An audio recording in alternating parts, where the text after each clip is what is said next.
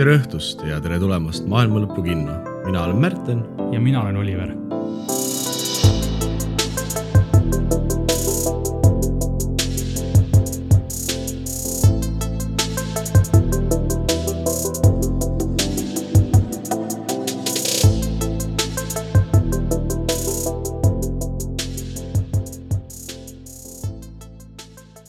tere tulemast kuulama meie aasta kokkuvõtet koos Märteniga siin nüüd äh, plaanime kokku võtta kahe tuhande kahekümne esimese aasta. Lähme kategooriate kaupa, et mis, mis meile see aasta silma jäi, mis see kõige lemmikum oli ja siis võib-olla paari sõnaga mainida siis äh, mingisuguseid äh, napilt välja jäänud teisi nominatsiooni saajaid, kes ka nagu tahaks välja tuua, eks. mina olen klassikaliselt valimatu inimene et äh, mina ei suuda nagu lemmikuid, mulle meeldib liiga palju asju, et siis ma pinnisin Oliverilt välja selle, et tohib ikka mõned äh, runner-up'id tohivad ka olla muidu. ja, ja ega mul endalgi tegelikult praktiliselt igas, igas nii-öelda kategoorias oli see, et üks asi, mis oli nagu lemmik üsna kindlalt, aga siiski jäi kripeldama, et aga seda ma tahaks ka mainida ikka selle aasta osa mm. nagu Äh, kontekstis. et need on põhimõtteliselt asjad, millest me tahame rääkida ja osalt nagu ka soovitused teile, et kui tundub huvitav, siis, siis vaadake kindlasti ja. või, või tšekkige välja. meie, meie lemmikud just möödunud aastal. asume kategooriate juurde. asume kategooriate juurde. Peaaegu oleksin unustanud ka mainida, et, et äh, siin viimase aasta lemmikute hulka kuuluvad asjad, mis tingimata ei ole viimase kaks tuhat kakskümmend üks aasta jooksul välja tulnud, vaid asjad, mida meie oleme enda jaoks just möödunud aastal avastanud. et siin nii mõnigi asi on selline, mis tegelikult ei ole üldse just möödunud aasta väljalase. järgmine kategooria on telesari aasta telesari meie arust, mis see võiks olla see kõige lemmikum ja ausalt öeldes ma siin juba sisetunde pealt ütlen, et ma tean, et meie lemmik üheksakümmend üheksa protsenti kindlusega kattub. no kuulajad saavad siinkohal äh, seda kaasa mängida nii-öelda, et pakkuge, mis on meie eelmise aasta lemmik äh, telesari ja kõik, kes õigesti vastavad, võivad külmkapist pirukat võtta endale selle peale. ja me anname teile kümme sekundit otsustamiseks dun, dun, dun, dun, dun, dun, dun, dun, dun, dun, dun, dun, dun. ja õige vastus on. How to with John Wilson. kõik podcast läbi ja eh, sellest sarjast me tegelikult rääkisime pikemalt ka tegelikult eh, oma kõige esimeses osas aga, aga, aga nüüd on äh, teine hooaeg hoogsalt käimas. jah, tegelikult see esimene hooaeg ei tulnud üldse see aasta välja, vaid eelmise aasta lõpus, kui ma ei eksi eh.. aga meie avastasime selle sel aastal Just. ja milline õnn, avastasime uue sarja, saime kohe aasta jooksul kaks hooaega vaadata. ei ole mugav. praegu teise hooaja osad kõik just tulevad järjest välja mm. -hmm. ja, ja teine hooaeg tundub, läheb samas vaimus edasi, kui äh, ainult paremaks isegi. tegelikult, et, et kui esimesel hooajal ei olnud võib-olla sellist läbivat story't väga palju, siis tundub, et teisel võib-olla sihuke natuke läbivat joont mhm. võib-olla isegi tuleb, mis on väga huvitav. et selles suhtes on jällegi midagi, mis on, lööb oma originaalsusega ja võtab täiesti tavalised igapäevased elulised asjad ja paneb nad täiesti teise nurga alla, täiesti teise valgusesse ja iga osa läheb aina absurdsemasse kohta ja ausalt öeldes ma peaks nagu kokkuvõtvalt ütlema, et mis sari see on, aga see on, see on dokumentaalsari ja ma ei, seda on nii raske kokku võtta, seda lihtsalt peab vaatama ja sa kas absoluutselt armastad seda või sa ei saa sellest üldse aru yeah.. ja vahepealset ei ole lihtsalt. jah, ega seda ei anna väga hästi kirjeldada, kui ma peaksin pingutama, siis äh, see on sari, mis üritab leida ilu ja tähendust väga lollides asjades. jah, või väga märkamatutes igapäevastes argiasjades mm. -hmm. et ainuke, mis ma oskan selle kohta öelda, et äh, kindlasti andke sellele võimaluse ja vaadake, kus vähegi võimalik, see on, see on tõsine kvaliteet. ja kui see ei ole sinu jaoks, siis see ei ole sinu jaoks. aga pigem tõenäoliselt on. proovige ikka, meile on äh, kuulajad igalt poolt üle Eesti ka öelnud, et aitäh, see soovitus oli väga hea mm. -hmm. et seal nägi nii äh, nii nalja kui äh, vandenõuteooriat kui tüüp, kes oma nii et äh, tore sari peale seda keegi ei taha seda näha. see on ülimalt äh, veider ja ülimalt hea mm. -hmm. ta on nalja, väga naljakas on ka, aga selline õrn, mõnus, melanhoolne läbiv joon on, mis äh, tundub paljudes heades komöödia asjades on ka nagu sees. ja mis ma veel tahaks välja tuua, mis minul nagu ka nagu äh, sügavale südamesse puges sari äh,, on äh, Ted Lasso, mida on ka tegelikult kaks hooaega juba väljas. Aga mina alles nüüd selle avastasin, mis on ka sari äh, mis oma olemuselt on, ta on komöödia ja mis komöödia juures väga tähtis, ta on tõesti väga naljakas, ma ikka, ma kõva häälega naeran, mida ma tegelikult väga palju ei tee, kui ma asju vaatan. tavaliselt on ikka see, et nohised nina kaudu, kui midagi on humoorikat ja ta on ülimalt südamlik ja sihuke positiivse ellusuhtumisega sari. et, et ta tekitab sus emotsioone, häid ja halbu, aga noh, negatiivsed emotsioonid, mitte et sa oled nüüd kangesti kurb või kuri, see sari pöörleb hästi palju tegelikult ümber läbikukkumiste, aga mitte, et need läbikukkumised oled halvaks, oleks halvad, vaid äh, selle ümber, et äh, kuidas selle läbikukkumisega toime tulla ja edasi minna. ja sealjuures on ta, võtab seda kõike hästi positiivselt, hästi tegelikult inspireerivalt. ja ta on lihtsalt naljakas ja seal on hästi lahedad tegelased. Mm.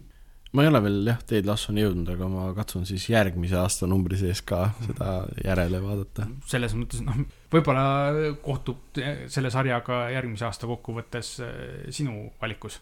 väga võimalik jah, ma olen, eh, ma olen sihuke sügiselembeline inimene mm. -hmm. ma ausalt öeldes ma siinkohal väga palju nagu sarju ei olegi see aasta vaadanud, mis eh, nüüd hullult heaks oleks nagu osutunud, aga kui ma järele mõtlesin, mis mulle pähe tuli, oli see, et uh, What We Do in the Shadows'i kolmas hooaeg on ka väga hea. mul on see parajasti pooleli ja mm. jah, nagu sa tegelikult ennist ütlesid mulle eravestluses, mitte lindistuses mm, -hmm. siis seni nende parim. tase tõuseb järjest, iga jah. hooajaga. järgmine kategooria on. podcast. podcast'id, kellele neid vaja on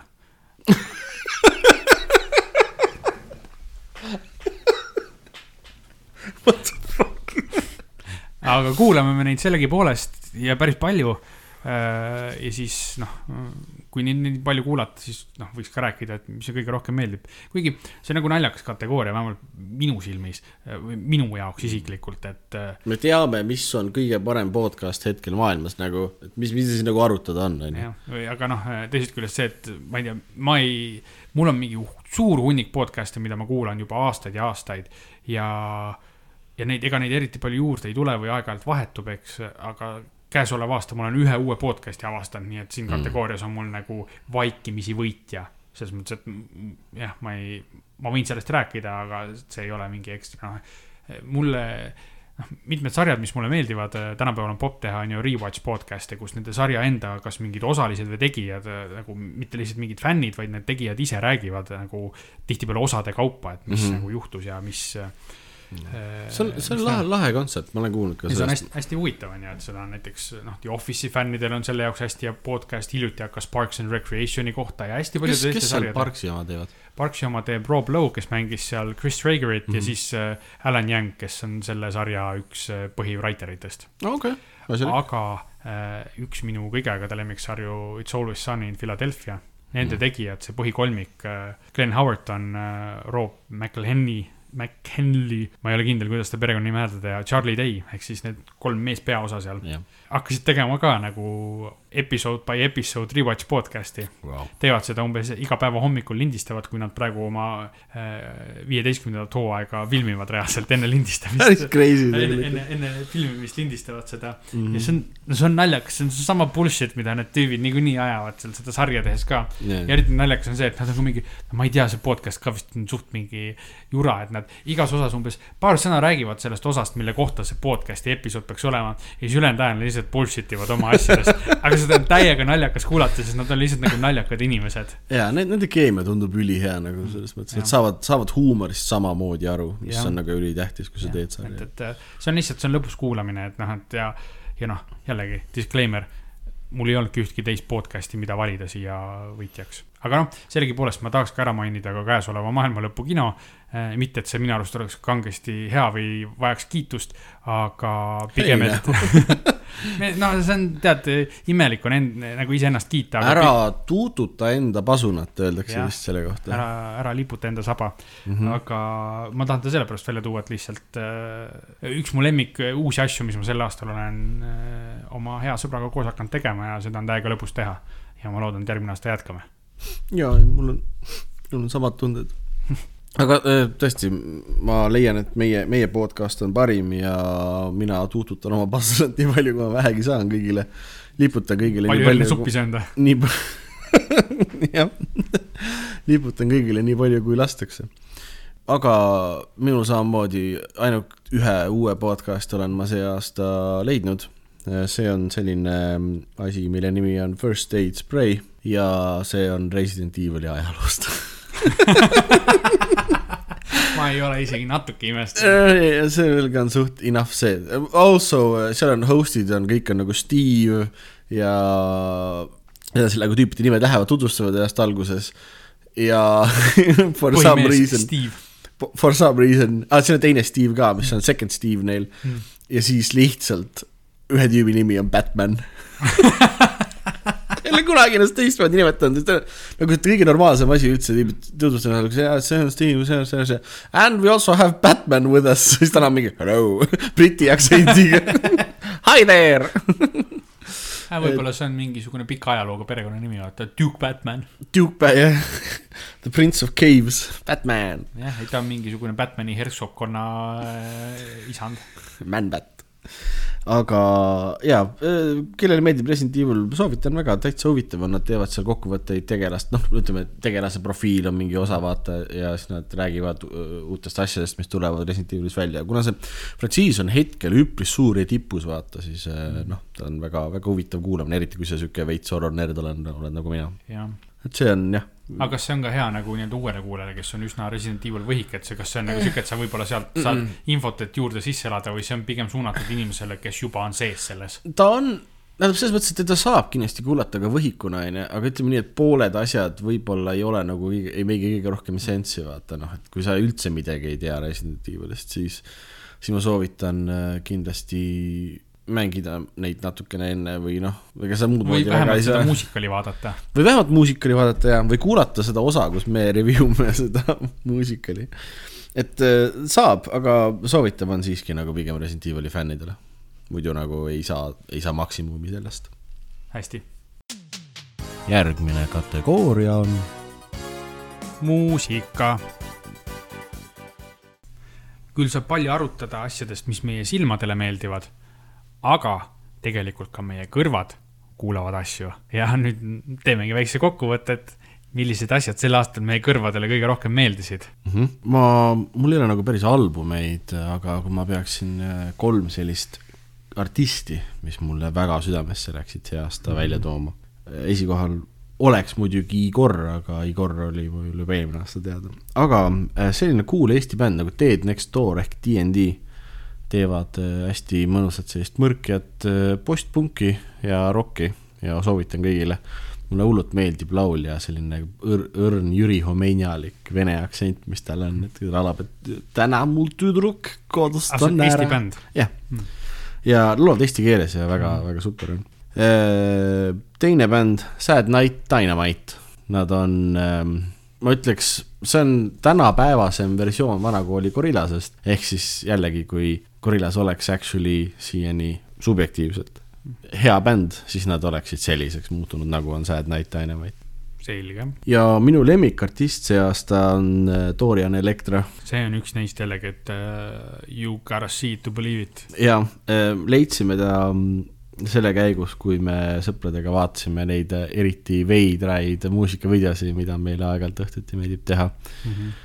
Ja siis ma hakkasin sealt nagu edasi kuulama teda, avastasin, et ta muusikavideod on super leidlikud ja muusika, mida Dorian Electra teeb, noh, ta ise on üks väheseid äh, non-binary äh, nii-öelda popartiste siis, kes ei äh, identify ennast ei, ei nii-öelda ega mehe kui, kui naisena, on ju, ma olen teda näinud nagu üpris veenvalt mõlemas rollis. aga mis ta teeb, on selline veits av avangardlik popmuusika segab tohutult palju nagu eri žanreid äh, sinna sisse, on väga klassikalisi mõjutusi, samas on äh, hardstyle'i mõjutusi lambist osades lugudes äh..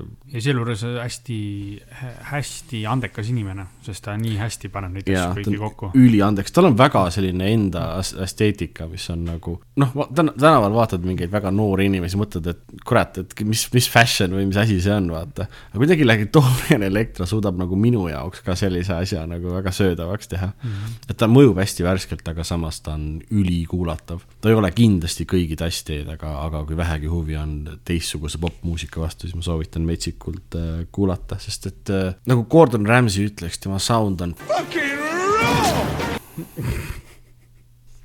aga Oliver, räägi, what you? ja mul on isegi täitsa konkreetne album öelda äh, siis esitajatelt Starface ja MF Doom.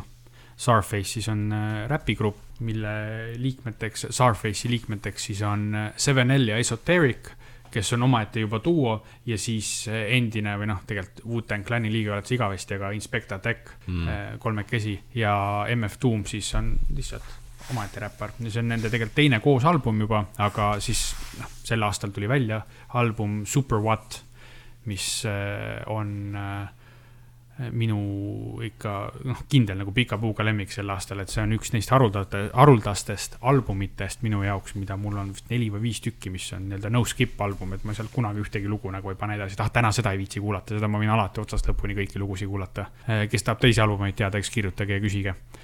Äh, ja see on ka selles mõttes on natuke nagu sihuke melanhoolne album, sellepärast et tegelikult äh, käesoleva aasta alguses või no esimeses pooles MF Doom tegelikult suri ära ja see album, noh, on postuumne album selles mõttes mm, -hmm. et see mhm. anti välja pärast tema surma et ju see oli, noh, neil on viljakas koostöö, neil oli ka enne seda üks teine album koos, mis oli väga hea, aga see album ise on no ülimalt sihuke mahe ja mõnus räpp, et need teemad, millest nad räpivad noh, see ei ole ilmselgelt sihuke tavaline su mingi oo, olen kõva mees. kõva mees, raha, litsid, autod on ju, vaid äh, elulistest asjadest ja mis neil on see, et nad on, noh jällegi oh,, miks, miks see meile meeldib, sihuke stereotüüpiline värk veits on ju, aga et need hästi, noh, ta on ka hästi nagu palju popkultuuris ja just selles koomiksi ja sihukeste asjade sees mm -hmm. ja see, noh, neid nii-öelda referentse ja võrdlusi, asju nad hästi palju kasutavad ka oma sõnades mm. -hmm no ja... MF Doom literaali võttis oma nime Doktor Doomist selles mõttes, kogu tema ju mask ja persona ja on sellega seotud ja mis selle albumi juures mulle eriti meeldib, et eh, ta töötab mitmel tasemel, et sa saad seda kuulata, kui sa tahadki nagu süveneda sõnadesse, kaasa mõelda, kaasa elada. aga samas see produktsioon ja nende flow ja need beat'id kõik on nii nagu siuksed mahedad ja mõnusad, et ta sobib ka lihtsalt, sa paned ta taustaks mängima, kui sa tahad lihtsalt mingit eh, head, mingit mõnusat beat'i ja muusikat kuulata. et ta nagu iga, iga nurga alt on, eh, on lihtsalt mõnus album ja noh, no skip album ma räägin, ma ei oska, ma ei noh, võib-olla kui ma peaks välja tooma lemmiku, siis kaks lugu on Breaking the Action ja The New, This is Canon. Äh, mis äh, on, kui ma peaks kaks lemmikut, aga nad on kõik head. Mm.. ja kui ma kedagi tahaks veel mainida, siis Tyler the Creator'i sel aastal välja tulnud kõige viimane album on ka kõva tase. ta on väga räpilaine olnud see aasta. See aasta on kujunenud kuidagi nii, jah. Mm.. MF Doomist iseenesest on tõesti kahju, ma olen ka tüüpi kuulanud keskkooli algusest peale, mis oli, uih, kõva kuusteist aastat tagasi umbes ja noh ähm, ta, ta on teinud hästi paljude inimestega koostööd ja nagu tohutult paljude ta, inimestega. ta on väga viljakas artist. ta on nagu sihuke nagu räpi vanaisa mõnes mõttes mm -hmm. ja siis, kui ta lahkus, siis oli hästi huvitav vaadata, kuidas terve, kõik maailma räpparid basically oli nagu mingi, jaa, ei, kui ma väike olin, siis ma kuulasin Wu-Tang Clani ja MF Doomi ja mm -hmm. nagu holy shit, et nagu noh, ühesõnaga see, see armastus, mis tüübi vastu oli, oli oli, kõigilt nagu, et yeah. ja, ja. nagu pärand... universaalselt armastatud yeah. artist. ja tuleb välja, et tüüp oli ka see, selline mees, kes andis nagu hästi palju võimalusi noorematele räpparitel, noh, seda on näha, et kellega ta koos on lugusid teinud hästi palju, eks ju, ja kõike. et veits nagu clout'i laenata, vaata, andekatele yeah. meestele.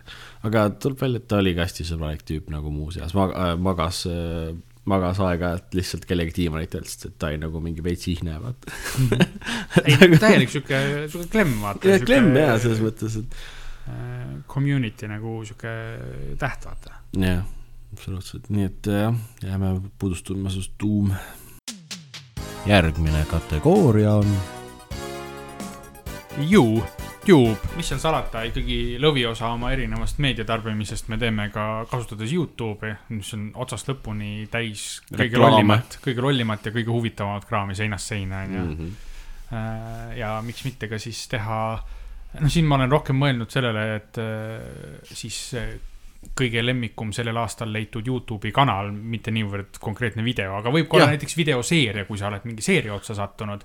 aga ma pigem pean kanaleid silmas, et äh, on ma sul, on sul välja tuua? jah, ma võtan ka Youtube'i mm. nagu kanalitega pigem ja. nagu, et noh, või noh, ütleme siis ongi, üks kanal on nagu üks sari või mida ma vaatan. kuigi niimoodi... mul on ka mõnda kanalit, kus ma vaatangi seal kanalil ainult nagu mingit ühte konkreetset sarja mm,. okei okay jaa, absoluutselt, leidsin hiljuti kanali, mul on paar runner-up'i nagu ikka, niisuguse kanali nagu Maritime Horrors, mis räägib siis spookidest, juhtumistest äh, laevadel ja, ja mere peal. see on väga on-brand sinu jaoks? Nad on siuksed, nad on, enamus neist on sellised laevaõnnetused, asjad, mis on mm -hmm. nagu veits müsteerias põhjustel juhtunud või nii, aga see, aga see. Estonia kohta on ka osa või? Ma ei ole, ma ei ole vaadanud, ma ei usu, et on, aga maybe äh,. ja tüüp, kes seda räägib, on hästi sihuke charming, ta on sihuke, tundub sihuke lihtne poiss nagu meie, aga ta teeb ka natuke seda, seda raadioteatrit, et ta paneb sinna siis taustale sellist vett loksuma, sellised helid, vaata, ja siis ta on tõnna kragena peerd umbes. et see on hästi, hästi chill asi, mida vaadata äh,. teine tüüp, kes mulle hullult meeldib, on Thor High Heels,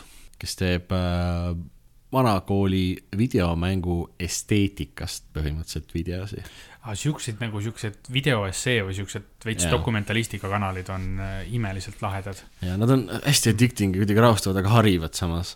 ja, ja Thor on, ta on tegelikult äh, sealt Hollandist pärit, aga sa ei saa aktsendi järgi absoluutselt aru, tal on väga sihuke nagu Ameerika hääl lihtsalt. aga ta räägib, miks vanad Playstationi mängud on näiteks hästi cool'id ja miks ähm,, noh, mis need heli eripärad on, on ju, ja mm -hmm. kõik siuksed esteetilised värgid yeah., et ta on nagu, mulle hullult meeldib just sellepärast. aga mu lemmiktüüp äh, Youtube'is hetkel on Jacob Jeller, kes teeb ka videoesseesid mm. -hmm. ja alguses ma hakkasin teda vaatama, seepärast et tundus, et ta teeb nagu videoesseesid ka nagu videomängudest. siis ma panin huvitavat asja tähele ta räägib enamasti videomängudest umbes kümme protsenti ajast mm. -hmm. et ta räägib, seletab ära, et näed, et siin on sihuke mäng, miks see nagu cool on. ja siis ta läheb edasi filosoofiasse, arhitektuuri, kunsti, sellistesse asjadesse nagu hullult edasi mm. -hmm. et äh, tihtipeale temad esseed võtavad sellise huvitavalt nagu eepilise ja väga-väga mõtlema paneva nagu äh, mõõtme et ta on nagu, ta seobki nagu jah, moodsa kunsti ja arhitektuuri, kõigi, kõigi muude nagu siukse sügavate teemadega seob nagu videomänge väga hästi. ja tänu temale ma leidsin ka oma uue lemmikkunstniku, kes on Francis Bacon, mitte see kuueteistkümnenda sajandi tüüp siis, vaid see üheksateistkümnenda sajandi tüüp. ahoi, siinkohal tuleviku Märten ja minu minevikusõber ei tea, millest ta räägib, sest et Francis Bacon on siiski kahekümnenda sajandi kunstnik. sündis ta ju tuhat üheksasada üheksa ja suri tuhat üheksasada üheksakümmend kaks, nii et vups. aga head uut aastat kõigile tulevikust ja näeme edaspidi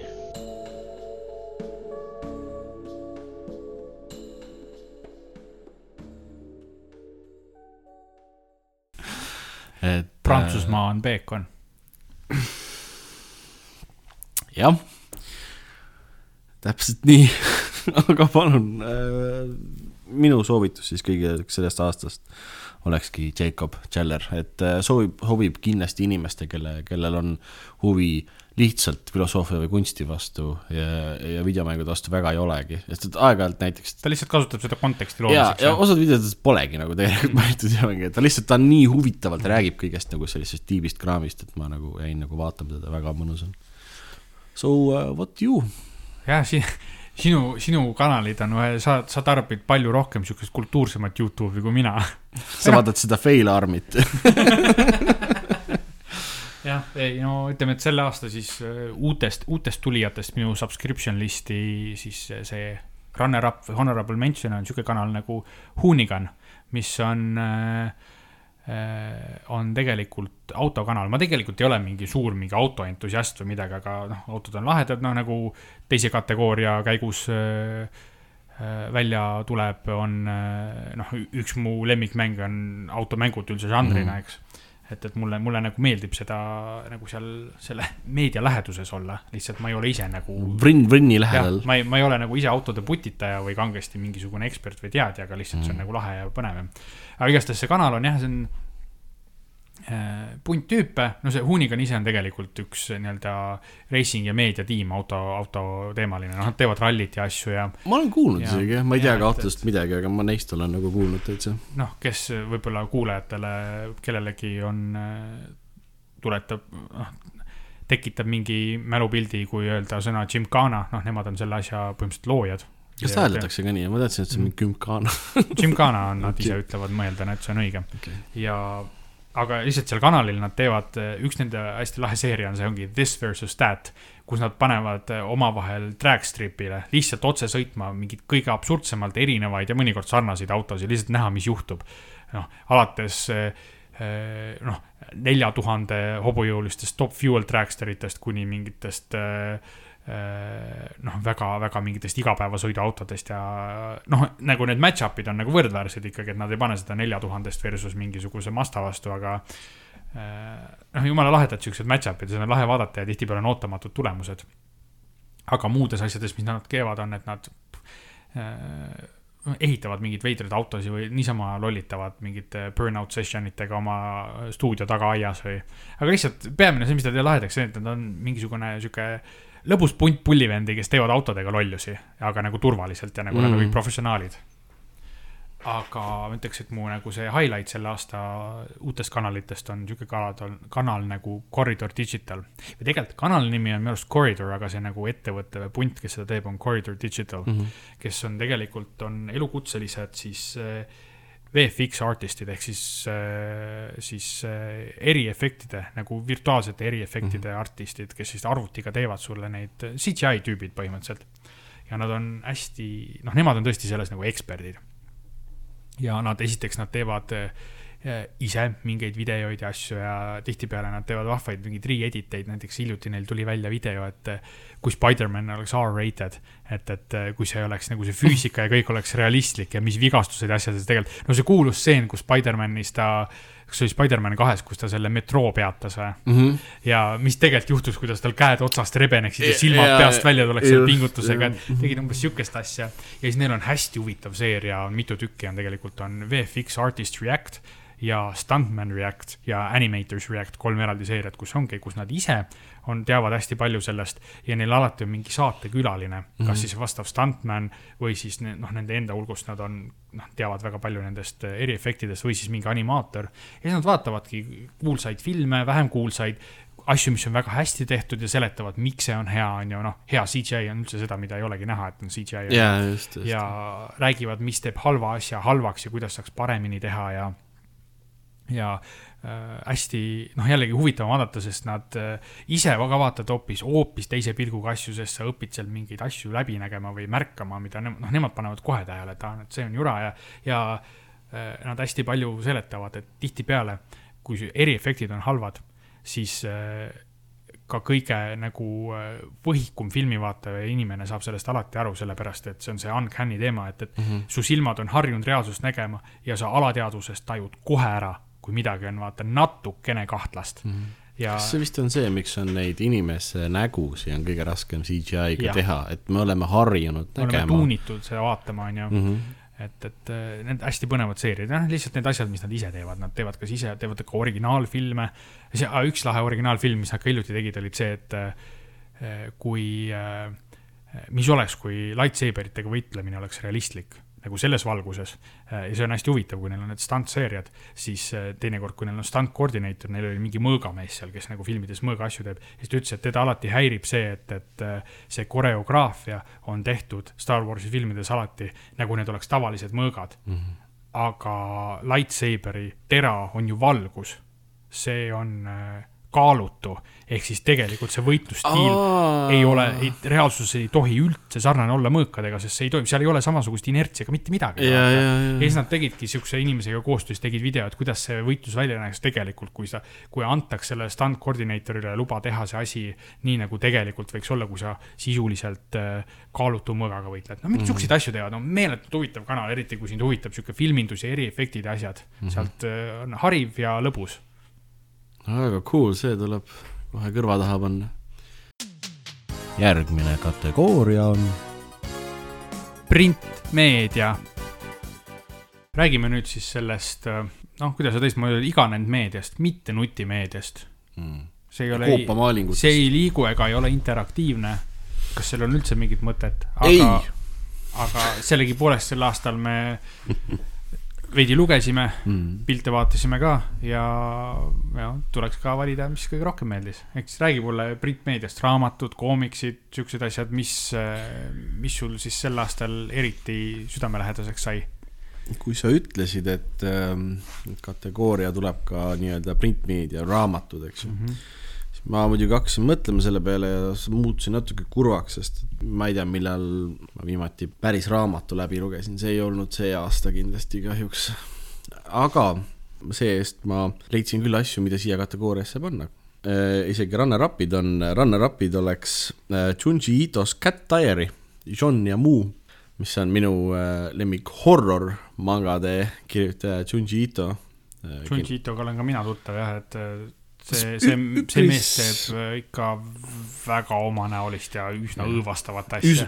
ma isegi, ma ütleks ka, üsna õõvastav on see nagu väga selline üllatav nagu. nagu raske on seda paberil vaadata. jaa, ta on, ta on natuke nagu Twilight Zone äh, veits, äh, veits fucked up inimestele mm. -hmm. aga mulle hullult meeldib jällegi, ta on väga populaarne ka ühesõnaga, Junji mõtles siis, et ta teeb äh, oma kahest, äh, kirjutab loo sellest, kuidas ta oma kaks kassi sai ja art style ja kõik need näoilmed ja kõik on täpselt samad nagu horroris, nagu noh, nagu sarjatulejad, need veits fucked up onju, aga story on lihtsalt kaks nunnud kassi. ja mis nad teevad? söövad vahepeal, löövad nurru, mängivad asjadega. Nende elu lihtsalt, jah? Nende elu, jah. noh, selles mõttes, et ta on nagu, ta, ta teeb huumorit, aga siis nagu Junji Ito huumor on see, et midagi ei juhtu on natukene nagu pingsam isegi aeg-ajalt, sa oled, oh my god, kuhu see nüüd jõuab, eks ju. aga ta on päris nunnu raamat samas, kes, kes südant soojendab, mida ma ei oleks arvanud, et ma kunagi Junji Ito teoste kohta ütlen. ja teine on äh, sihuke raamat nagu Cooking Pricewise, A Culinary Legacy. see on Vincent Price'i poolt kirjutatud kokaraamat, kus ta jagab retsepte ja kirjutab aeg-ajalt näiteks sellest, et milleks teatud toiduaineid kasutati noh, näiteks äh, kartuleid äh, määriti inimese verega vanas, vanade asteekide poolt ja sellised huvitavad faktid. ülilahe kokaraamat on hästi, hästi küllaltki lihtsad nagu, ta on nagu üle maailma igasuguseid retsepte võtnud, et ta on, nagu ta oli väga suur kunstiaustaja, ta oli ka megakokk sa oled, sa oled neid retsepte sealt teinud ka reaalselt või lihtsalt lugenud? ma, ma olen mõnda üritanud paari kartuli asja, et kõikidele kartuli entusiastidele siinkohal siis eh, päris eh, veerid ei ole vaja nendes antud retseptides. aga nagu nad on, osad ongi konkreetselt nii lihtsalt nagu äh, der echte sauerkraut ehk siis nagu mhm. päris, päris kapsad nagu onju Saksamaalt ja noh, siuksed mm. -hmm. et mingi Eesti, väga Eesti toidud on ka osad seal. aga mis sul siis see kõige lemmikum oli siis sel aastal, kuigi sa väga ei lugenud, siis mis sul kõige rohkem ikkagi muljet avaldas? ma olen avastanud, et mulle mõjuvad väga eh, rahustavalt ja kuidagi patareisid laadivalt äh, slice of life mangad, ehk siis Jaapani koomiksid, mida sa loed paremalt vasakule ja need, mis ei ole nagu eriti nagu millestki mõnes mõttes et noh, ei ole mingisuguseid äh, kaisusi ega kollide tapmist ega mingeid veidraid digimone ega horrorit, mitte midagi, vaid näiteks äh, minu lemmik peaaegu nagu dokumentaalkoomiksid on ju, lihtsalt kell, sissevaade kellegi ellu. peaaegu, äh, minu lemmik nendest mangadest on sihuke asi nagu Sweat and Soap, ta on romantiline komöödia mm. -hmm. ja sellest, ta on, räägib siis sellest, et kontoris nagu tekib kahe inimese vahel selline noh, väike romance mm -hmm. ja kutt Äh, on seebi disainer ehk siis inimene, kes nagu disainib seepi, kuidas need töötavad, et mis temperatuuril nad nagu nii-öelda noh, lahustuvad. ei pane seda lõhna, vaid paneb seda toime, toimekeemiat. lõhna ka, selles ah, mõttes. kogu keemiat, kogu keemiat nagu, et ta on nagu mingi üli, ta on nagu noh, virtuoos sellel alal, vaata. Ja, seebigeenius. seebigeenius ja, ja neiu on siis äh, selline inimene, kes äh, higistab tavalisest rohkem Match made in heaven on ju. ja nagu päriselt ka, that's the whole point, ma alguses nagu kahtlesin natuke selles, et mis mõttes, et see on nagu veider, keegi istub palju, onju. see on nagu mingi, see on umbes, noh, see aeg-ajalt, it comes up aeg-ajalt see teema, eks ju mm, -hmm. aga see ei ole üldse selle asja point. asja point on see, kui raske on täiskasvanuna võib-olla alustada nagu mingit uut suhet, eks ju, ja mm -hmm. siis aru saada, et yeah. holy shit, et this is it, et see võibki olla see, mis nagu jääb kestma ja yeah. kui raske võib olla natuke vanemas eas nagu kellegi vanematega kohtuda ja kogu see asi. Ja see on nagu, ta on romantiline komöödia, aga nendel inimestel on hästi palju siukseid huvitavaid ja keerulisi nagu traumasid ja backstory'd ka, et ta on hullult reaalselt on need inimesed kirjutatud, et sa, sa nii metsikult elad kaasa neile. jah, ehk siis koomiksid ei pea alati olema superkangelased ja mm., ja muu sihuke jura. Absoluutselt, seal on see suur, minu lemmik storyline on see, kus nad hakkasid valima koos kodu ja nende kodu oli tüüp, kes, hästi kogenud tüüp, kes võttis oma elu mega, mitte sorry, elu võttis oma tööd mega tõsiselt ja siis ta nagu innustas neid pidevalt oma sellise kõnedega, et nii, nüüd valime seda, see, see on hästi oluline, uks peab olema seal kohas. et, et siis nad nagu, ta oli joonistatud ka sedasi, nagu ta, nagu Dragon Balli oled näinud, eks ju, ta Dragon Ballis on see mm, äh, Super Saiyani värk, et nad mm -hmm. lähevad järjest nagu põlema rohkem energiat tekib, vaata seal oli ka, et tüüp nagu samamoodi, et meie kodu saab olema parim, sittib järjest nagu joonistatud, need kahekesi vaatavad teda siukse näoga, et what the hell is going on here. see on ikka väga Jaapan, vaata, see on nii spetsiifiline viis jälle, kuidas edasi anda lugu. jaa, aga see ongi, vaata, see on see nagu see, noh, see komöödia aspekt seal, vaata, et ta on, ta paar korda peaaegu tõi ka nagu pisara silma täitsa, et ta on, on super lugu lihtsalt, äh, Sweat and Soap. Et kui see teile meeldib, siis äh, keegi päriselt tšekib seda. andke teada, kuidas meeldib, ma hea meelega soovitan teile veel Äh, sarnaseid, sest ma olen avastanud, et see on see manga žanr, mis mulle metsikult meeldib. romantilised komöödiad, who knew? jah, see on avastamise aasta sinu jaoks olnud. täiega, avanemise aasta, avanen nagu roosinupuke. pean ära tsenseerima selle Oliver, räägi nüüd endast. Mina seevastu jah, see aasta jõudsin päris palju lugeda. Ja no peamiselt ma üldiselt üldse loengi ilukirjandust, noh, mingeid fantaasia asju ja, ja ulmekirjandust ja see aasta mul oli eriti palju, oli ul-, noh nagu science fiction'it, nagu seda lugesin päris, päris palju ja sealt ka olidki minu, need, mis mul kõige rohkem silma jäid, et see nii-öelda honorable mention siis või runner-up oli mul selline asi, see on raamatuseeria, neli seeriat nagu Hyperion Cantos, mis on, äh, või Cantos peaaegu ropendasin, tead. Hyperion Cantos. jah, et, et äh, see on sihuke väga sihuke klassikaline lihtsalt science fiction, kus sul on äh, time travel ja, ja kosmose reisimine ja, ja, ja erinevad mingid äh, tulnukarassid ja see, seda ongi nagu raske kokku võtta, ilma et see kõlaks nagu iga suvaline teine sci-fi. aga mis mulle, mis see nagu haaras mind, siis esimene raamat tegelikult ja ma kahtlustan, et võib-olla see kirjanikul oligi nii, et tegelikult esimene raamat sisuliselt on kogum kas seitse või kaheksa lühijuttu hmm.. ja, aga selle ümber on nagu lugu niimoodi, et seal on need seitse või kaheksa tegelast saavad kokku ja nad peavad reisima ühte kohta, et mingit väga spetsiifilist äh, nagu rännakut ette võtta. ja siis nad kõik räägivad üksteisele, et miks nad sinna tulid ja kust nad pärit on ja need on need lühilood nagu omavahel täiesti seosetud ja siis tuleb välja, et lõpuks ikkagi mingil määral on seotud ja noh, sellest tuleb terve seeria tulevikus edasi, kuidas nad äh, oma selle rännakuga hakkama saavad ja noh, seal on maailma päästmised ja kõik, aga lihtsalt see nagu esimene raamat äh, haaras mind täielikult oma selle ülesehitusega, et see tegelikult oli lühijuttude kogu ja need olid jumala lahedad lühijutud kõik väga erinevast žanrist, üks oli sihuke detektiivi noaar ja teine oli mingi klassikaline sihuke action värk ja seal oli mingi ristirüütlite teema ja seal on muidugi ristirüütlid hoopis teised asjad, seal on ristirüütlid on need, kes on nagu, üritavad loodust säästa ja neil on kosmoselaevad, mis on tegelikult ühed nagu põhimõtteliselt planeedi suurused äh, päriselt elavad äh, puud, nagu metsas kasvavad oh. ja, ja lihtsalt väga huvitav seeria. aga mis mu kõige lemmikum oli. küsiks korra küsi kas see Hyperion Cantos on ju mm, -hmm. kas see on see raamatuseeria, kus see The Shrike on või?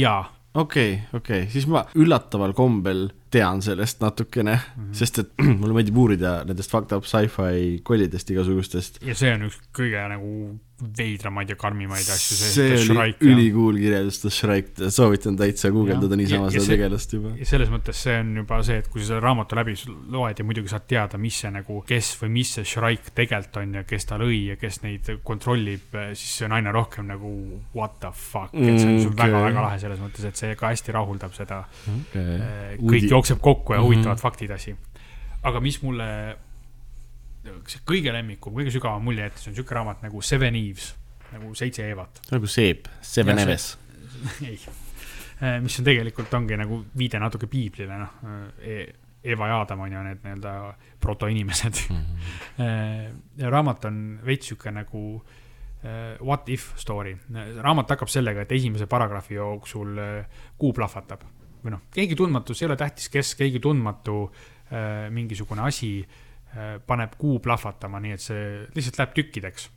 ja siis sealt edasi nagu noh, nad on üsna realistlikult oma teadust taga ajanud ja, ja noh, et mis siis juhtuks, on ju ja no fakt on see, et see lõpeb sellega, et tegelikult äh, elu maal kui selline lõpeb ära, kõik surevad, sest et see kõik langeb maale ja tuleb sul põhimõtteliselt, sul tekib taevasse tekib tulekiht, mis põletab kõik ära mm.. aga sa ei rääkinud nüüd vist raamatu lõppu ära, ma loodan. ei, ei äh, ja raamatu algus ongi see, et nad üritavad saada nagu noh, pääseteid kas maa alla või merepõhja või kosmosesse. ja siis leitakse, et see põhiline on kosmosesse siis minna, et see rahvusvaheline kosmosejaam on ju ISS, et äh, sinna ehitatakse asju juurde ja saadetakse nagu see best and brightest nagu, et nii-öelda Äh, inimsugu nagu edasi tegema.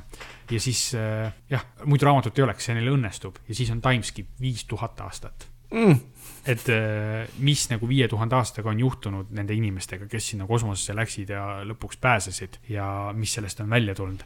Ja noh, edasi ma juba süviti ei taha rääkida, sest et see juba räägib spoilereid, aga jällegi äh, raamat, mis on hästi-hästi huvitav, sest ja see ei ole üldse sihuke seiklus või sihuke, sihuke sci-fi nagu see Hyperion Cantus või su tavaline fantaasia, kus on igast mingid kollid ja muud tegelased mm, -hmm. ta on hästi nagu sihuke nii-öelda hard sci-fi, et ta ürineb põhine, üritab põhineda ikkagi teaduslikel faktidel ja üritab siis välja mõelda, et mis siis päriselt juhtuks, kui sellised asjad äh, toimuvad, et kuu, kuu, äh, kuu lendab õhku, elu maal lõpeb, mingitel inimestel ürit-, võima-, on võimalik ellu jääda ja, ja mis siis on inimkonnast saanud viie tuhande aasta möödumisel. aga nagu tulnukaid või siukseid asju seal äh, või noh, võib-olla on spoiler nüüd jälle, aga. ei, ei ole. ole, vau. see ikkagi okay. keerleb. päris, päris hard sci-fi. see keerleb nagu okay. inimkonna ümber jah, ja kuidas inimkond sellega hakkama saab, et nad põhimõtteliselt praktiliselt maakera pinnalt äh, eemaldatakse. aga kas see seletatakse muidu ära kunagi, miks see kuu õhku lendas? see nagu ei ole isegi, see on, see on kõrvaline, see on ainult see nagu okay What If'i nagu esimene McGuffin, mis ajab selle nagu mõtterea mm -hmm. siis käima. okei okay,, vau. väga-väga hea raamat. super. järgmine kategooria on. videomäng. tegelikult äh, lisaks äh, igasuguse filmi ja telemeedia tarbimisele on meil mõlemal üsna suur... illegaalsed hobid üsna, üsna suure osa meie ajast hobina võtab ka tegelikult, võtavad videomängud ja siinkohal proovimegi mõelda, mis siis selle aasta see, mis silma paistis ja mis see kõige lemmikum oli. ma ütleks, et äh, mis mulle eriti silma jäi, on tegelikult kuu kaks välja tulnud siis äh, sõidumäng Forsa Horizon viis mm, -hmm. mis äh, noh, ütleme, et see väljatulemine algul on natuke üle sihuke kivide ja kändude, et need online siis äh, teistega koos mängimise äh, osa oli natuke katkine, aga eks nad seda järjest parandavad, aga oma olemuselt muidu on äh, ülimalt hea sõidumäng. seekord toimub, viies osa toimub Mehhikos hästi, hästi mitmekesine maailm on, sul on seal su troopilised metsad, soine mets, sul on mäestikud, mingi vulkaan on, mille otsa saab sõita. aga sisse ei saa või? Siis sa saad laavasse ka sõita. Nice.. ja siis seal on äh, noh, siuksed äh, rannad ja, ja liivatüünid ja kõik asjad, ühesõnaga hästi mitmekesine.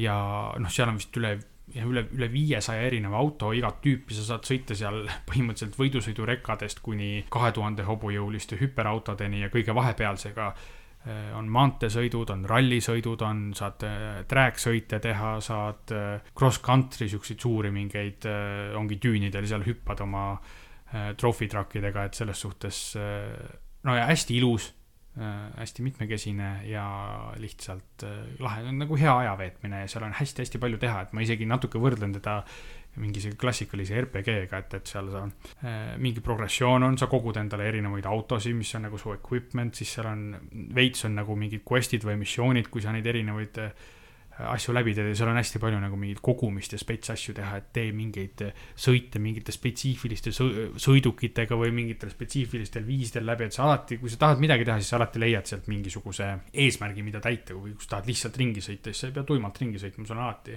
alati midagi teha. kas äh, ta on nagu siis open world selles mõttes, et sõidad autoga kohtadesse ja. ja siis algatad mingeid rallisõitmisi? jah, ja saad sõita teistega, seal on nii üksteise vastu sõitmine kui meeskondlikud sõitmised siis arvuti vastu või meeskondlikud sõitluse, sõitmised teiste päris mängijate vastu. noh, kampaaniamängud on üksinda, aga sa saad kõiki neid sõite ka kellegagi koos teha ja seal on tegelikult see nagu community aspekt on hästi suur. ma tean, et sa oled muidu ka selle Forsa seeria austaja, on ta, ütleksid sa, et et ta on, ta on märgatavalt parem neljandast selles mõttes ikkagi. no ta on selles mõttes, et ta on hästi sihuke nagu, ta on iteratsioon äh, eelmisest osast Forsa neljast mm., Forsa Horizon neljast mis toimus Inglismaal ja Inglismaa on veits sihuke, noh, kaart oli üsna palju üksluisem, ütleme mm. nii äh,. ja, ja mitte nii päikeseline, aga selles mõttes, et nad võtsid kõik Forsa nelja nagu kõige paremad osad ja tegid neid natuke paremaks okay. ja halvemaid osi vähendasid, et seal ei ole midagi põhjapanevalt uut, lihtsalt on väga-väga nagu hea mäng aga see on kõigest see, mis ma eraldi tahtsin mainida, tegelikult ma ütleks, et mu aasta mäng on mäng nimega Hades, mis tuli mulle endale suure üllatusena, sest et äh, see on mäng žanris, mis tegelikult ma eriti ei, ei naudi või ei veeda oma aega. tegemist on mänguga, mille siis žanr on rogu-lite, mis siis tähendab seda tüüpi, et põhimõtteliselt iga kord, kui sa seda mängid, siis sa põhimõtteliselt alustad algusest, nii-öelda nullist ja üritad mängida siis leveleid nii kaugele, kui sa saad. a la nagu vanasti olid need äh, arcade kabinetid, et sa panid oma mündi sisse, mängisid nii kaugele, kui said, ära surid, no siis kaputt, kui hivel taha välja. Läksid koju tagasi. jah, et, et noh, selle väikse vahega, et olenevalt, mis sa seal teed oma igas selles äh, Äh, mängu korras, siis sa võid saada endale mingeid boonuseid ja asju, mis nagu jäävad permanentselt, et äh, iga kord sa oled võib-olla natuke tugevam ja jõuad natuke kaugemale. aga see mäng, mis keeleb selle ümber, et sa pead ise nagu osav olema. noh, mul ei ole nii palju aega ja, ja, ja mentaalset energiat, et selliseid mänge mängida, ma tahan mängida mingit mängu, mis on noh, nagu filmgi või raamat, seal on mingi vahva story on ju äh, mingit action'it, aga ta ei ole nagu hullult liiga raske. vahepeal saad maha panna ja puhata ja, nagu. ja, ja et ma ei pea nagu selle taha kinni jääma, et ma mingist kohast ei saa pool tundi edasi ja lihtsalt ei saagi ja kõik on ja ma ei viitsi. aga see mäng mulle endale ootamatult haaras mind täielikult, et äh, seal seda osavust taga ajada ja järjest teha ja sealjuures võib-olla sellepärast see mind haaraski ja motiveeris edasi mängima, et seal on meeletult hea story taga mm -hmm. sellest, kuidas siis tegelikult Heidesi poeg äh, Zagreus, see on, see on kõik äh, Kreeka mütoloogial põhineb, üritab siis äh, allmaailmast pääseda, et oma emaga suhelda, kes on allmaailmast väljas ja iga kord, kui sa jõuad selle nii-öelda maailma lõppu, siis sa saad natuke nagu lugu edasi, et seal on nii hästi sellesse story'sse endasse sisse toodud see, miks see mängumehaanika sihuke on, et miks sa kogu aeg nullist uuesti hakkad mm., kui paljud siuksed mängud ongi lihtsalt, et noh, see on videomäng, see ongi niimoodi. sa lihtsalt mm. alustad alati nullist yeah et jah, et see, siin on see üllatusefekt minu jaoks jällegi, et, et selline täiesti minu tavalistest meelepärastest asjadest väljas haaras mind nii, nii põhjalikult ja ausalt öeldes lõpuks ma nagu, mul tuli nii hästi välja, et oma sõprusringkonnas, kus ma tavaliselt siukestes mängudes olen üsna sant, seal on, noh, seal sai aegu ka võrrelda, siis kui me võrdlesime, siis ma nagu olin ka selles päris hea, et, et äh, igati lahe ja mulle väga meeldis see aeg, et ausalt öeldes ma täitsa kaalun, et kui ma, kui mul natuke rohkem aega on, siis ma tegelikult tahan seda veel mängida mm.. sest noh, tavaliselt ma ei lähe mängude juurde tagasi, sest alati on nii palju uut ja huvitavat, mida tarbida, on ju, nii filmides yeah, kui yeah. mängudes kui mujal. ja kõik see võtab oma aja, et noh, et ei raatsi seda kulutada millegi peale, mis sa juba oled läbi kogenud, on ju mm.. see on jah mäng, mille point on see, et sa teed seda nagu story progress ibki siis, kui sa seda nagu läbi teed või jõuad järjest mhm. kaugemale selles. ma ei ole kordagi veel Hades'es ära põgenenud äh, allmaailmast ja ma olen ikkagi saanud, ma tunnen väga head story't. ja, ja tegelikult see lugu päriselt hakkab alles pihta siis, kui sa esimest korda jõuad lõpuni. oh jumal, joo, no ja, okei. ja et see, et see, see nagu põhistory, noh, see, sa saad seda pikalt mängida, sealt järjest juurde saada, aga et see nii-öelda põhistory lõpuni saada, siis sa pead kümme korda ära põgenema uh.. aga sina, sinul, ma ütleks isegi on olnud rohkem aega mängida ja rohkem erinevaid asju proovida kui minul see viimase aasta jooksul. ja no ma olen avastanud, et mul on äh, hästi oluliseks läinud mängud, millel on hästi hea story või hästi hea sihuke vibe või esteetika, noh, selles mõttes, et kunagi oli atmosfäär, atmosfäär jah, et kunagi tahtsid rohkem seda mürtsu ja laksu vaata, nüüd umbes mängid arvutimängu sellepärast, et oleks võimalikult nagu rahustav ja sihuke chill, et, saad mõtted igasugu muudest asjadest eemale. nüüd, kus see on öeldud, ma panin tähele, et kõik mu kolm äh, aasta mängu on horror-mängud aga no kes, kes teab ja on varem kuulanud, siis sa oled see, sinu jaoks horror on natuke teistsugune asi kui võib-olla keskmisele tarbijale, on ju. võimalik, ega ise ei tea öelda, vaata, selles mõttes, aga jah, ta mait-, maitseb mulle küll aeg-ajalt. Ehm, kaks runner-up'i, äh, asjad, mida ma siiski väga soovitaks inimestele, on, äh, üks on Scarlet Hollow, sihuke väike mänguke Steamis, mille, mis on tehniliselt nagu visual novel peaaegu mm. -hmm et valikud tulevad nagu dialoogist ja ta on selline hästi äh, armas, rahulik äh, Lovecraftian äh, tale, kus on kõik on hästi chill ja chill ja siis äkitselt on holy fucking jesus christ, mis asi see on. ja siis on jälle suhteliselt chill mõnda aega ja siis onju. et see nagu gameplay või mängumehaanika on peamiselt ongi tegelikult noh, lugemine ja dialoog. lugemine ja dialoog ja... ja selle heli on, ma ütlen, kaksteist punkti kümnest nagu see, kõik see pinge ja asi tulebki sellest, et nagu see helipilt on nii cool lihtsalt mm. -hmm. teine runner-up on sihuke asi nagu Inscription ja hästi veider story, aga üli, üli brilliant nagu kogu pakk on see mäng mm, -hmm. sest et asja point on see, et sa oled äh, sarimõrvari järgmine ohver, kes peab temaga põlve otsas ise joonistatud Magic'u kaarte mängima äh, elu ja surma peale põhimõtteliselt. ja täpselt nagu Oliver Eel kirjeldatud Hades on ka see ähm, Roguelite. Rogue, roguelite jah mm, -hmm. kus sa nii-öelda saad nagu noh, kui sa kaotad, siis sa pead otsast peale hakkama, aga iga kord jäävad need kaardid umbes, mis sa oled joonistanud ja teinud ja need jäävad nagu pakki alles, nii et sarimõrvari järgmine ohver siis, kes noh, sina oled, kui sa surma saad saab alati nii-öelda neid kaarte kasutada ja, ja selles cabinis, kus te olete mm. ringi käia ja tegutseda ja asju teha, et see on nagu see story areneb ülioriginaalsel viisil selles mõttes. ja siin on jällegi, on ju, story'sse sisse ehitatud see, et miks sa uuesti, uuesti sama asja teed algusest. see on nii lahe, kui on ja see, jah, see kohe haarab sind sinna sellesse žanri sisse ka tegelikult mm. -hmm. ja ikkagi minu ähm, kõige lemmikum mäng see aasta saame üle ega ümber äh, minu lemmikseeriast Resident Evilist. minu lemmikmäng see aasta Resident Evil kaheksa ehk Resident Evil Village. ma arvan, et see on tõsi iga aasta, kui tuleb uus Resident Evil välja. jah, mida nad lubasid teha, et iga aasta nüüd tuleb uus Resident Evil välja mm. -hmm. saab, saab raske olla. nii et see kategooria on lukus nüüd järgnevaks pikaks tulevikuks, jah? no tõenäoliselt, oleneb muidugi. Äh, kaheksas äh, Resident Evil ei ole tegelikult kaheksas, ta on mingisugune viieteistkümnest tõenäoliselt kokku kõikidest Resident Evilist, aga ta on nagu selles kan-, noh, kanoonilises keskseerias, siis on ta kaheksas. ta on äh, teine osa äh, Ethan Wintersi triloogiast, mille nimi -hmm. on siis The Tragedy of Ethan Winters mm. -hmm. ja need on need papsi Resident Evilid, mis on äh, see, et sa oledki eelmises seitsmendas sa üritasid oma naist päästa, kaheksandas sa üritad oma tütart tagasi kokku panna, kes on neljaks tükiks jaotatud huvitav, mis siis PVA-ga või? no seal on, seal on igasugu viise, selles mõttes see maailm on sihuke suur ja lai ja põnev uh,. ülihea on, ta on, ta on see täpselt, mida ma ootasin, ainuke mure on võib-olla sellega, et ta ei ole nii uh, hirmus, kui oli seitsmes, seitsmes konkreetselt, ütleme kolm neljandikku mängust oli päriselt ka spooky. kaheksas kaks korda umbes mängu jooksul on noh, need kohad, mis on siuksed, päriselt. ikka võta vigistama. võttis vigistama jah, kaks korda. Ülejäänu oli siuke lahe kooti horror lihtsalt, noh, võrreldes eelmisega ta ongi, eelmine oli siuke nagu sihuke Texase mootorlase mõrvad, sihuke swampist toimus nagu tegevus mm. -hmm. seekord toimub see Bulgaaria mingisuguses väikses linnas, no ta, on unspecified country, eks ju. ma eeldan, et ta toimub külas noh, tea ja, et ta ei ole sealsamas, kus see kuradi muusikal oli, Dubrovnikus või whatever see oli. et ta on äh, jah, äh, Village'is ja siis, äh, ta on rohkem nagu kooti horrori poole mm. -hmm. aga ei, väga hea on, jätkub, jätkub seiklusi kauemaks, ma loodan, et nad järgmises osas toovad tagasi natuke rohkem neid klassikalisi Resident Evil'i tegelasi, sest et kaheksandas meil oli ainult Chris Redfield, kes on, on minu lemmiktegelane üldse seerias. Big Pimp Papa Redfield, nagu ma teda kutsun tuntud sinu ringkondades, sinu magamistoas minu magamistoas, ta on. Äh, sinu buduaaris. teine, teine, teine poster mul aes mm.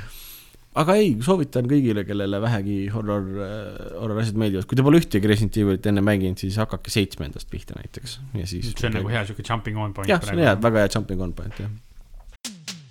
järgmine kategooria on. film asume siis selle kõige suurema kategooria juurde, kõige põhjapanevam, tegemist on meil siin ikkagi kinoga maailma lõpus või mitte, et äh, lemmikfilm, Märten, äh, mis äh,, sul, saad sa see aasta öelda ühe filmi, mis oli tõesti sinu kõige lemmikum see aasta saan aga ma alustan sellest teisest otsast mm. -hmm. ma ütleksin kaks filmi, mis olid peaaegu mu kõige lemmikumad. Äh, üks neist on äh, suur kaiju wrestlingu Battlefest äh, Godzilla versus Kong, see on superimeline film, ja teine on üheksakümnendatest äh, pärit Briti äh, Briti B-movie. Ehk siis selline odav, väga hea kraam nagu I bought a vampire motorcycle. see, see pealkiri on juba, see kutsub vaatama lihtsalt, sa pead seda nägema. ei, jaa, seal on, seal on äh, Harley Davidsoniga ringi sõitev preester näiteks, kes ei ütle küll I kick ass for the lord nagu Teede laivis, aga mm -hmm. peaaegu sama head tsitaadid on. aga äh, minu lemmikfilm see aasta, vaieldamatult film, mis mulle kõige rohkem meeldis, mis mind mõjutas kõige rohkem, mis on nagu tippude tipp minu jaoks, on film, mida paljud teised teavad. lihtsalt see jääb nagu minu jaoks nii žanrist välja, aga see on osa minu sellest suurest projektist vaadata rom-komme nüüd kõvasti ja käsi südamel tunnistan, et minu lemmikfilm see aasta on Crazy Stupid Love jah äh,, ausalt öeldes see, see, selle kuulmine teeb mind päris äh,, päris rõõmsaks, sest et äh, see on väga, see on üks ka minu lemmik rom-komme, no mina nägin seda kõvasti varem, eks, et ma ei saa seda selle aasta hulka valida. aga see on tore, et, et sa võtsid selle projekti käsile ja sa tõesti noh, avastasid selle žanri enda jaoks, et see on midagi muud kui ainult su lollakas naiivne komöödia, kus on meet cute'id ja. jaa, absoluutselt, ta on, ta on natuke selline mõnusalt äh, sihuke papsi film ka mõnes mõttes, võib-olla see ongi see, et ma suudan siukseid asju nüüd vaadata, nüüd kus ma olen nagu noh, põks ähm, küpsemas eas võib-olla et, et, et saad nagu paremini, paremini aru sellistest asjadest, et nagu armastus tulebki väga erinevatel viisidel ja sellel on tuhat eri, eri tahku ja et tihtipeale ongi nagu sitaks keeruline. Noh, ma ei tea, kas keegi on kedagi, kes peale minu ei ole Crazy Stupid Love'i näinud, aga Steve Carelli ja mitte Ryan Reynoldsiga, nagu ma kogu aeg sassi ajan, vaid äh, Ryan Gosling. Ryan Goslinguga, jah, vana Goslingu Ryan. -hmm Ryan Gosling, kes tegelikult on, teda ei ole nii palju selles kasutatud, aga on väga-väga-väga hea komöödiatunnetusega näitleja. ta teeb seda nagu endale omapärast deadpan'i natukene. ta on nagu sihuke šarmantne mees. ta on nagu šarmikas ja sa ei saa alati aru, kas ta saab naljast ise pihta või ei saa, aga kurat mm -hmm., naljakas mees on. et kes tahab veel näha tema äh, siukseid äh, naljategemisi, siis äh, film The Nice Guys koos Russell Crowe'ga on üks tema parimaid rolle kindlalt ka Nice, no midagi, ma pean seda ka edasi vaatama. see Romcomi projekti alla sul ei lähe, aga vaata kindlasti. no ühesõnaga jah, äh, Crazy Stupid Love, ei oleks mina uskunud, et romantiline komöödia on minu selle aasta lemmikfilm, aga võta näpust. aga kuidas, äh, kuidas sinuga on, Oliver? Sinu vastust kuuldes mul tegelikult oli väike üllatus, et film Godzilla versus Kong oli sellel aastal. see, noh, see praegu pandeemia ajal, aeg on täiesti, no sa ei, mitte muhvigi saa aru, millal miski toimus ja mina oma selle siis nii-öelda runner-up'i või honorable mention'i tegelikult oma esialgsest muudan ära ja ma ütlen, et minu see, mida ma kindlalt tahaks mainida, kõige lemmikum ei olnud, ongi Godzilla versus Kong, mis oli uskumatult lahe, lihtsalt sihuke action porno ja seal oli väike spoiler, seal Mecha-Godzilla tuli üllatusena mängu ja see oli nii uskumatult lahe, ma tundsin ennast nagu väikse lapsena, nagu ma seda vaatasin. aga kui rääkida mu selle aasta kõige lemmikust, siis äh, see on äh, üsna pika puuga Nicolas Cage'iga peaosas äh, Pig, mis minu arust oli. meie kadunud pilot jah, sellest me oleme tegelikult mingis osas ka rääkinud, aga see ei kannatanud ilmavalgust tegelikult, see oli lihtsalt katsetus. jah, see oli jah katsetus, me ei saanud äh,, ei, ei julenud teile veel äh, filmiarutlusi jagada, aga me oleme seda filmi nii-öelda oma, oma kinos eelseansina siis ikkagi vaadanud, näinud jah, äh, see film äh, väga, väga originaalne, väga hästi oli ära kasutatud äh, Nicolas Cage'i, kes on väga sihuke omanäoline ja omapärane näitleja, see oli, see oli korraga sihuke karakteri nagu uurimine ja, ja kättemaksu lugu ja mitte armastuse, aga armastuse taasotsimise lugu ja naljakas on see, et kui sa vaatad neid treilereid ja asju, siis tundub, et see on nagu mingisugune veider versioon John Wickist, kus kellegi siga varastatakse ära ja tal on spetsiaaloskused ja sellega ta läheb seda siga linna, maamees läheb tagasi võitlema ja ja aga tegelikult tuleb välja, et noh, tegemist on kokaga ja, ja ta lihtsalt üritab anda endast parimat eh, oma sõpra, seda siga tagasi saada, kes on ühtlasi ka tema sissetulekuallikas ja see on väga sürr film aga. ta on hoopis selline, hoopis midagi muud, kui treilerist tundub selles mõttes. et ta on, ta oli originaalne ja huvitav ja emotsionaalselt kaasahaarav ja mm. jättis mulle küll kõige sügavama mulje sel aastal jah, kui, kui seda filmi miski peaks kirjeldama, siis oleks see sõnapaar melanhoolne peekon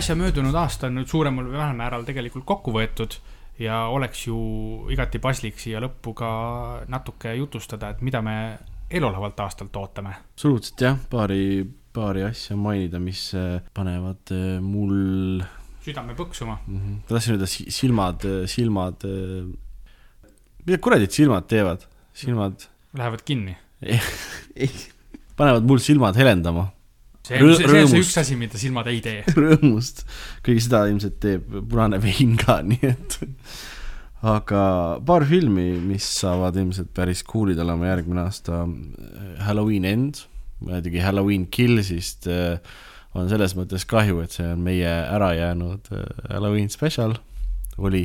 aga mis see üldine, sina ei olnud ühtegi ju Halloweeni filmi enne näinud, Oliver? no sellega oli see Kuidas probleem, et, et ta oli ta oli veits sihuke brainless, sihuke, sihuke horror värk, on ju, aga, aga eh, ta peamine probleem oli see, et, et ta oli sisuliselt eh, noh, teine pool juba olemasolevast filmist, et eh, ma ei olnud mm -hmm. seda eelmist filmi näinud, nii et sealt ma lihtsalt lükati sügavas kohas vette, öeldi, et noh, et uju või upu ja siis ma ikkagi uppusin peamiselt.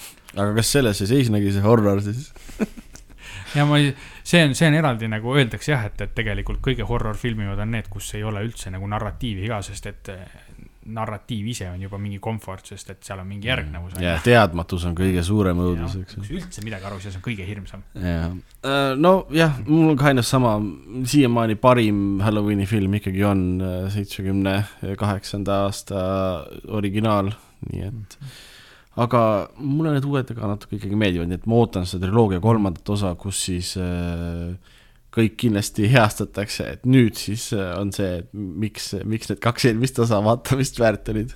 jah ähm,. Batman saab järgmise, või kas saab öelda järgmise, ma ei saa siiamaani aru saada, mis see uus Batman'i film siis on. ma ei ole ka kindel, kas ta on nüüd selle Snyderverse'i osa või ta on täiesti mingi eraldi asi või mis ta on, aga igal juhul, ükskõik mis ta on ootused on kõrged, see näeb hea välja. jaa, see näeb hästi cool välja, see on, ta on natuke sihuke low-tech im, kui on siiamaani Batman, sest et meil on tegemist hästi noore Bruce Wayne'i ja Batmaniga. Batmobiil on straight up muskelauto ja ta on mustaks värvinud mingisuguse Sharpiga, noh. Spray, Sharpiga terve auto wow. see Batpowerid on vägevad, et um, kes meil seda Bruce Wayne'i mängis, ma unustasin ära ta. mul ei tule ka see nimi. Edward, noh mul ei tule ta nimi meelde, aga. kõik kuulajad praegu karjuvad, see on, ilmselgelt on see, miks ma tahan Patrick öelda? ma ei tea, aga ta on, tuleviku Märten aitab meid, aga ma tean, et ta on hea näitleja yeah.. ta on, ta on, äh, ta on hea näitleja ja nii palju, kui treilerit on näha olnud, siis tundub, et ta seda Batman'i asja teeb hästi ja Bruce mm. Wayne'i asja mm.. mina seda ei uskunud, et ta hea näitleja on ja siis ma nägin filmi The Lighthouse Holy hell. ei, ainuke halb asi, mis ta on teinud, ongi see Twilight, lihtsalt see oli see asi, millega ta kuulsaks sai. praktiliselt kõik teised asjad, mis ta on teinud, on ta olnud väga-väga pädev. ta mm -hmm. lihtsalt läks sandisti ja noh, sina oled ka, sa oled ehe näide sellest, et vaata, mis võib juhtuda, kui sa teed nii nagu ülemaailmselt tuntud sandi asja, see jääb su nimele külge. Robert Pattinson oli ta. jah, mõtlesin mingi Patrick, mingisugune something oli. Robert Pattinson, just. tuleviku Märten on mingi oh,, jopas, me ei pea talle maksma jah, jah, sest ega tegelikult ta valves ei ole, ta tõenäoliselt joob juba praegu. no ta on napsune ilmselt, ta võib-olla on, kes teab, tuleviku Märten äkki on aastas kaks tuhat kakskümmend kaks juba ta on, ta on, ta on meist ees. jah äh, Pattinson jah, ma arvan, et ta saab päris lahe Batman olema, vähemalt tundub, ta kuidagi sobib sellesse tõesti. Äh, Jordan Peele teeb uue filmi, Jordan Peele andis meile siis Get Out'i ja Us'i siiani, mis mm -hmm. on väga-väga head horror-filmid minu arust, ühed suured lemmikud minu puhul. Ja nagu internet äh, ütles, täna guugeldasin, siis uue filmi nimi on Nope ja rohkem ei ole mitte midagi teada sellest peale, peale title'i. no seni tema need õudustegemised on olnud kõik ikka kõva tase mm.. Jackass Forever tuleb välja, et see kas, mis sa arvad, kas seda peaks kinno vaatama minema või? Sest mul on nagu peaaegu morbiidne huvi juba, juba selle vastu. sest et... need on vanad inimesed kõik. just ju. nagu, et see on nagu making fun of niimoodi uh.... ei, seda tahaks ära näha küll, igal juhul tahaks näha, kui mitte kinos, siis kuskil mingi hetk kuskil mingil muul platvormil. jah, mul tõesti natuke on huvi selle vastu, eks ju, veider uh,. ja viies asi, mida ma tahaks välja point ida, on Knives Out kaks ma seda ei oodanud, et Knives Out saab järje, aga tundub, et see saab nii-öelda väikest viisi frantsiis vist olema. no aga see on see tänapäevane asi, kui sa midagi teed edukaks, siis äh, noh, tuleb lüpsta seda kuldvasikat mm. -hmm. kuldvasika lüpsmine võib päris raske olla muidugi, aga mm. -hmm ja ma saan aru, et ainuke asi, mis nii-öelda edasi läheb siis sellesse järge, on äh, James Bond ise. ehk siis Daniel Craig. Daniel Craig? Daniel Craig, Daniel, Daniel Craig. jah, ei, see on hea, ta oli selles väga hea, ta oli selles üks, no tegelikult seal kõik seal oli hea, aga tema oli ka väga-väga hea. ta oli nii charming, ma alguses arvasin, et see saab olema Knives Out üks, siis saab olema nagu nii-öelda pisut paroodia, et aa, tegelikult see detektiiv on mingisugune tames, onju. Mhm. aga ei ole, ta lihtsalt oli siuke charming ja chill vana ja siis lõpuks ta oli üli cool mm. -hmm. et see oli selles mõttes super film Knives Out ja noh, ja no jällegi äh, nagu Halloweeni puhulgi äh, ei väsi minu silmad vaatamast äh, Jamie Lee Curtis't.